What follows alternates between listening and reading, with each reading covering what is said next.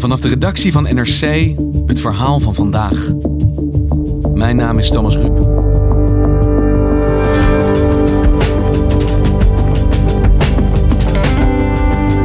Het Chinese nieuwjaar is begonnen. En de Chinese overheid houdt haar hart vast. Wat betekent dit voor de verspreiding van het dodelijke Wuhan-virus, dat het land sinds enkele weken teistert? En wat betekent dit voor de rest van de wereld, die vreest voor een nieuwe internationale epidemie? in eh, Wuhan. Dat is een, eh, een stad met 11 miljoen inwoners. En eh, daar in het centrum van de stad, vlakbij een station, daar is dus een, eh, een vismarkt, een seafood market noemden ze dat. Sander Voormolen is wetenschapsredacteur en schrijft over geneeskunde en humane biologie. Honderden mensen kwamen daar dagelijks om eh, wilde dieren te verhandelen, vis te kopen. Eh, maar er werden ook allerlei andere dingen verhandeld. Er werden ook eh, levende wilde dieren verkocht. Van slangen tot eh, stekelvarkens, hertjes en zeevis natuurlijk. Maar slangen en stekelvarkens, allemaal bedoeld voor menselijke consumptie. Ja, en die dieren zijn levend op de markt. En daar ter plekke worden ze geslacht. Het ziet er niet heel eh, hygiënisch en fris uit. Want alles gaat door elkaar en soms gebeurt alles zelfs op de grond. Half december werden er opeens een aantal mensen ziek, verkopers en bezoekers van deze markt. Ze kregen koorts, eh, ze begonnen te hoesten, kregen longontsteking. En sommigen waren zo ernstig ziek dat ze opgenomen moesten worden in het ziekenhuis. Op dat moment was het nog niet echt duidelijk hoe gevaarlijk het zou zijn. Maar later, eh, na een aantal weken, begonnen er eh, mensen te sterven aan deze ziekte. Health authorities in China are reporting the first death linked to a new type of coronavirus. The outbreak is happening in the central Chinese city of Wuhan. Eh, met name de ouderen die al wat onder de leden hadden, die diabetes hadden of tumoren in hun buik, die overleden aan deze ziekte. Er liggen nog veel mensen in kritieke toestand in het ziekenhuis. Eh, maar eh, over het algemeen, dat zie je ook bij griep, er zijn mensen die wat zwakker zijn, die eh, overlijden eerder aan zo'n infectie. En als je overlijdt aan Wuhan, waar overlijd je dan precies aan? Ja, het is eigenlijk een, een longontsteking die heel diep in de longen zit. Je ziet op röntgenbeelden zie je ook dat het helemaal vol zit met vocht. En mensen kunnen dus gewoon geen adem meer halen. Dus die moeten aan de beademing, anders sterven ze. Ze stikken. Ze stikken, ja. En al snel was duidelijk dat dat allemaal te herleiden was tot, eh, tot deze markt. Want of ze werkten daar of ze waren daar geweest. Begin januari zeiden de Chinese autoriteiten al... waarschijnlijk is het een virus dat uit die dieren is gekomen... die op de markt zijn geweest.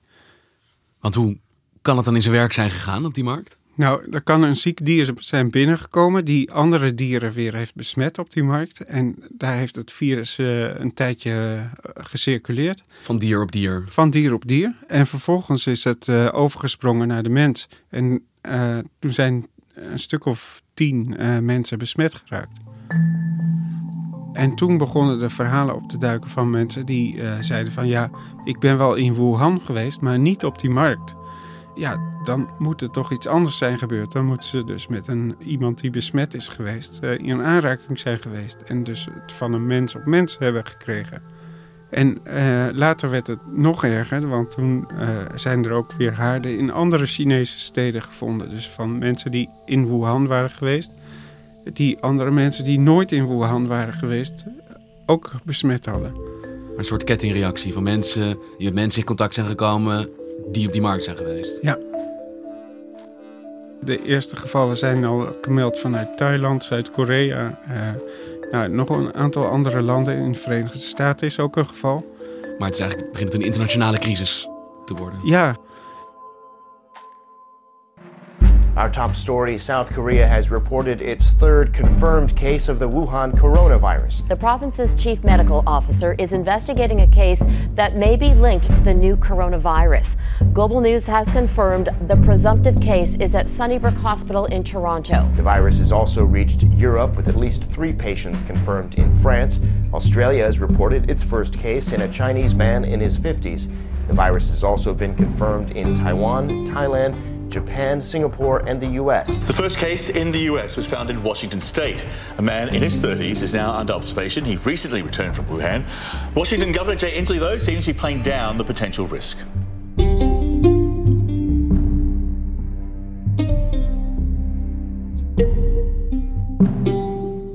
Hoe reageert het land hierop? Wat onderneemt het als dit gebeurt?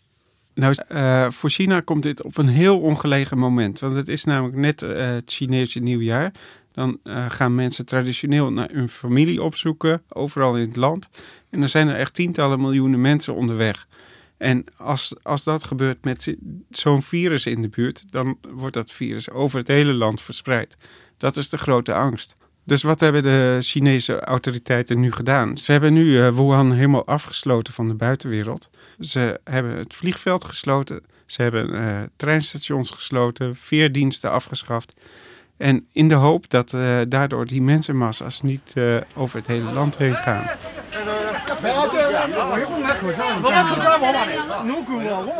The city is on ever greater lockdown, with cars now banned. 56 million people in the region are under a travel ban. Dat was een landelijke maatregel. Uh, die zei van uh, Wuhan gaat nu dicht. En uh, nou ja, er hebben nog duizenden mensen geprobeerd op het allerlaatste moment een kaartje te bemachtigen om eruit te komen. Want daarna, je weet niet hoe lang het gaat duren. Het, ja, waarschijnlijk zeker een maand. Dat geen verkeer meer mogelijk is. Maar hoe weet je dan zeker dat de mensen die in die trein zitten niet zelf besmet zijn met dit virus en het toch gaan verspreiden op deze manier? Nou, bijna iedereen in Wuhan draagt een mondkapje om te uh, zorgen dat je zelf niet besmet raakt, maar ook eventueel niet anderen uh, besmet. En uh, op de stations en vliegvelden was al langer een thermische controle. Dan zetten ze gewoon een infraroodcamera neer en dan kunnen ze zien wie de koorts heeft en wie niet. Iedereen die warm uitslaat wordt eruit gepikt dan? Ja, ja precies. Body temperature test is required for entering the terminal. There is the thermal imaging right here. Hopefully we'll be okay. Maar uh, ja, het is nog niet bekend of iedereen wel koorts krijgt van het virus. Dus uh, ja, er kunnen mensen die zijn die onder de radar blijven. En dus toch uh, met de ziekte vertrekken en anderen kunnen besmetten. Dus Wuhan is op dit moment eigenlijk een afgesloten spookstad van 11 miljoen mensen waarin iedereen thuis zit de angst om zelf ziek te worden. Ja. Shanghai Disneyland, Disneytown including Walt Disney Grand Theater and Wishing Star Park are temporarily closed now. En ik hoorde ook uh, mensen uh, zijn aan het hamsteren, voedsel aan het hamsteren. Is volgens de Chinese autoriteiten niet nodig. Maar ja, mensen denken ook van, uh, we weten niet wat op ons afkomt, dus we doen maar vast. En is dat genoeg? Werkt dat? Kan je het op deze manier zo'n epidemie indammen? Gaat het dan vanzelf op een gegeven moment voorbij? Nee, je moet nog veel meer uitzoeken. Je moet, uh, we weten nu ook nog niet wat de bron is geweest. Welk dier de oorzaak is van deze besmetting. Want je moet je voorstellen, die coronavirussen waar het hier om gaat, die komen uit het wild. En uh, uh, vooral vleermuizen. En ja, een vleermuis die, uh, die fladdert rond in de natuur. En dan kan er wel eens een ander dier langskomen die de, die de infectie oppikt. En als die dan naar zo'n markt wordt gebracht, dan kan die daar weer andere dieren infecteren, waardoor het virus ook verandert. Want het virus past zich een beetje aan een gastheer. En als het dan van vleermuis naar bijvoorbeeld een hert gaat, en dan uh, bij de herten zich vermeerdert en vervolgens uh, op mensen overspringt, dan, dan kan het zich steeds beter aanpassen. Hey, en voor mijn begrip, hoe gaat zo'n virus nou in zijn werk? Nou, een virus uh, kopieert zichzelf, die kopieert zijn genetische code. En ja, dat doet hij een beetje slordig. Dus uh, als hij dat doet, dan zijn er een heleboel uh, goede oplossingen, waardoor die zich sneller verspreidt, maar ook een heleboel slechte, die zich niet sneller gaan verspreiden. En dan op een gegeven moment krijg je dan een soort selectie, waardoor er een steeds besmettelijker virus ontstaat. Dus hoe langer de keten van besmettingen, hoe, hoe besmettelijker het virus kan worden. En dit is in de basis hoe elk virus werkt. Hij kopieert zichzelf altijd slordig. Dus hij wordt steeds een keer een beetje anders. Tot hij een keer een variant heeft die hartstikke besmettelijk is en zichzelf heel snel kan verspreiden. Ja, zo werkt dat. Ja. En dat Wuhan-virus werkt ook op deze manier. Ja, een soort trial and error. En, uh, en, en uh, als die de winnende oplossing heeft, dan kan die overal komen.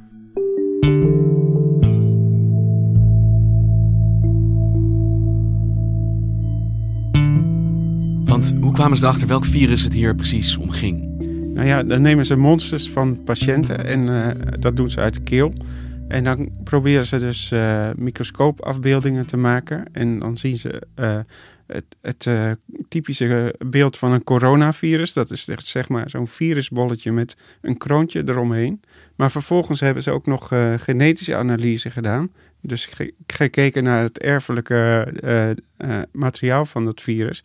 En is dat dan een soort ja, DNA-code van het virus? Nou, deze virussen hebben RNA, maar dat is vergelijkbaar met DNA. En dat is heel belangrijk, want daar kun je een virus uh, onmiskenbaar aan herkennen. Dus je kunt dan heel makkelijk testen of iemand dus daadwerkelijk met dat Wuhan-virus uh, besmet is. En op die manier weet je ook wat de verspreiding is van het virus. Je zou zelfs dus bij mensen die geen symptomen hebben, maar wel in de buurt van een patiënt zijn geweest, zou je ook kunnen detecteren of die het virus hebben. En dat was daarvoor eigenlijk niet mogelijk. Je kon alleen zien of iemand koorts had, maar nu kan je zeker weten: is hij besmet met dit Wuhan-virus? Ja, dat kun je helemaal zeker uh, weten nu. En wat kun je vervolgens met deze informatie? Uh, ja, die code die hebben zij dus uh, ook gedeeld met mensen in het Westen. En kun je hier dus ook controleren op dat virus. En dat, dat is ja, zwart of wit. Je hebt het of je hebt het niet dat we zo snel zo'n code kunnen bepalen, dat is eigenlijk uh, pas uh, sinds kort mogelijk. En het is voor het eerst dat we zien dat wetenschappers op die manier hun kennis delen om te voorkomen dat een virus zich verder over de wereld kan verspreiden. Ja, want uh, eh, 17 jaar geleden hadden we zoiets vergelijkbaars met SARS-epidemie. maar toen was dat allemaal nog niet mogelijk. This week saw the galloping rise of SARS, severe acute respiratory syndrome. And as new cases emerge, quarantines. Overal groeit de onrust over de levensbedreigende longziekte SARS. De uitbraak van het dodelijke virus leidt overal tot verscherpte veiligheidsmaatregelen. Het centrum van de besmetting lijkt in China te liggen. Eigenlijk uh, ging het precies hetzelfde. Het was ook zo'n uh, markt van wilde dieren uh, waar het virus vrijkwam. In dit geval ging het om civetkatten. The coronavirus that causes SARS was traced to the civet cat, a wild animal considered a delicacy in parts of South China.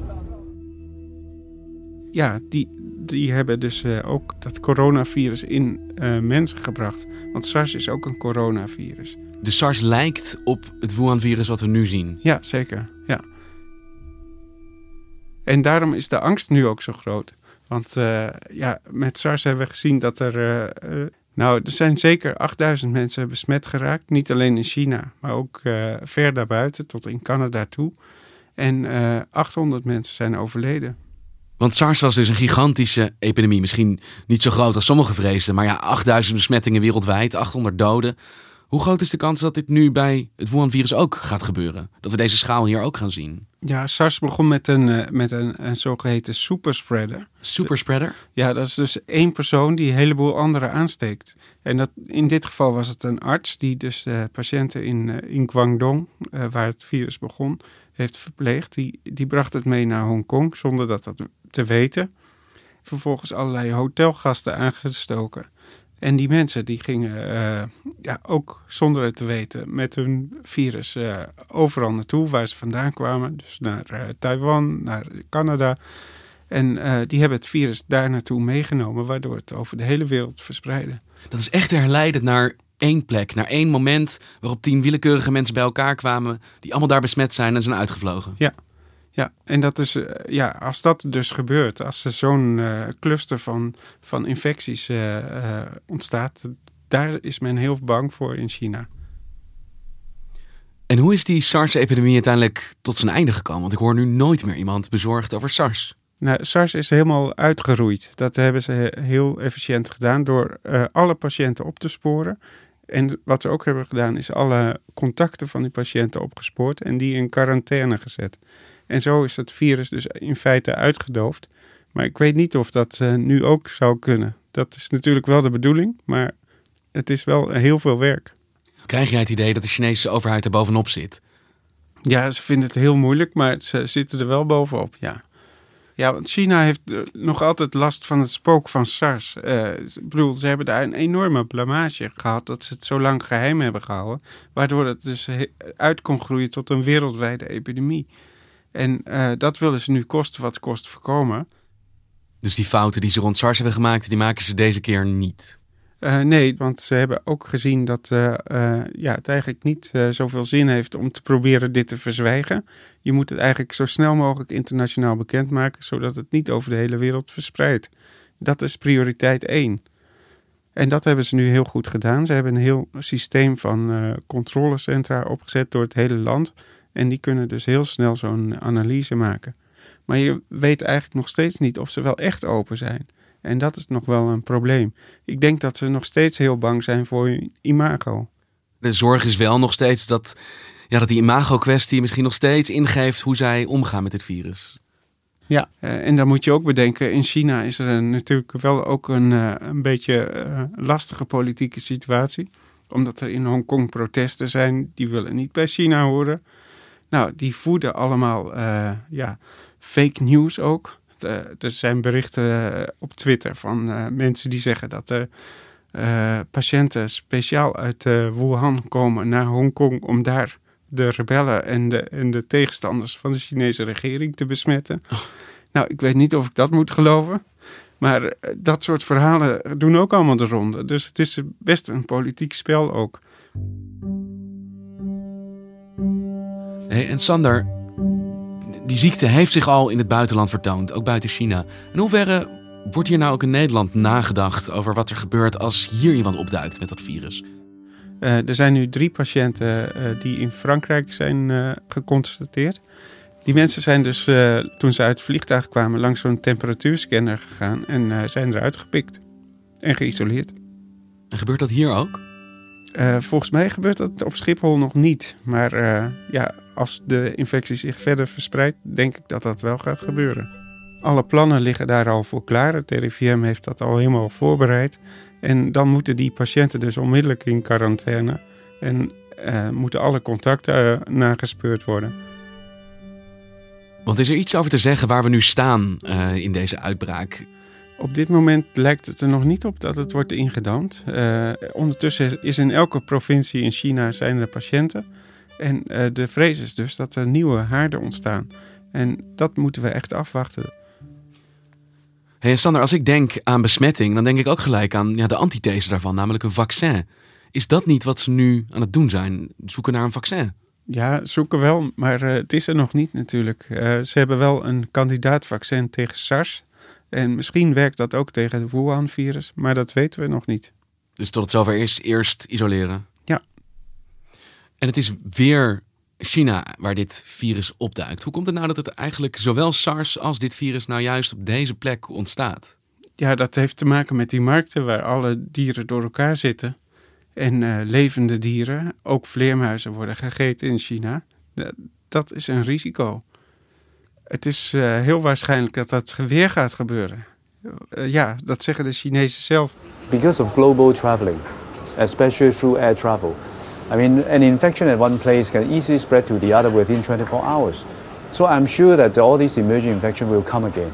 Ik heb hier een uh, wetenschappelijk artikel uh, wat ze in, uh, in februari hebben geschreven. Vorig jaar? Vorig jaar. Daar zeggen ze van, nou, we hebben hier SARS gehad. maar het is heel waarschijnlijk dat er weer zo'n coronavirus gaat ontsnappen. En dat is dus zes maanden later ook gebeurd. Dus het is eigenlijk effectief al voorspeld dat dit ging gebeuren? Ja. En uh, uh, dat is ook grappig, want je, je ziet nu dat uh, de Chinese CDC, dat is dus zeg maar dus, de infectieziektedienst, de belangrijkste man daarvan, die zei van mensen moeten stoppen met het eten van wilde dieren. Nou, dat vind ik nogal wat voor China. Dat zo'n man dat zegt. Maar dan ligt hier toch de oplossing, Sander. Verbied die markten. Ja, gisteren heeft de Chinese overheid zelfs de, de grote stap gezet door alle handel in wilde dieren te verbieden. Dus slangen, uh, dassen, uh, civetkatten, alles. Maar dat is makkelijker gezegd dan gedaan. Het is ook een onderdeel van uh, Chinese cultuur natuurlijk. En ja, uh, het is nu feest in uh, China, dus uh, ik neem aan dat er dan extra van dit soort exclusieve voedsel wordt gegeten. Dankjewel, Sander. Graag gedaan.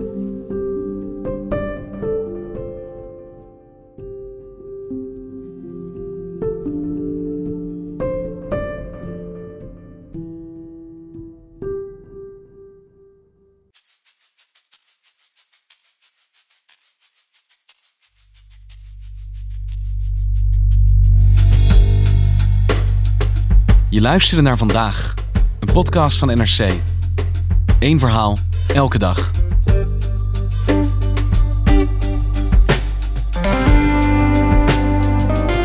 Dit was vandaag, morgen weer.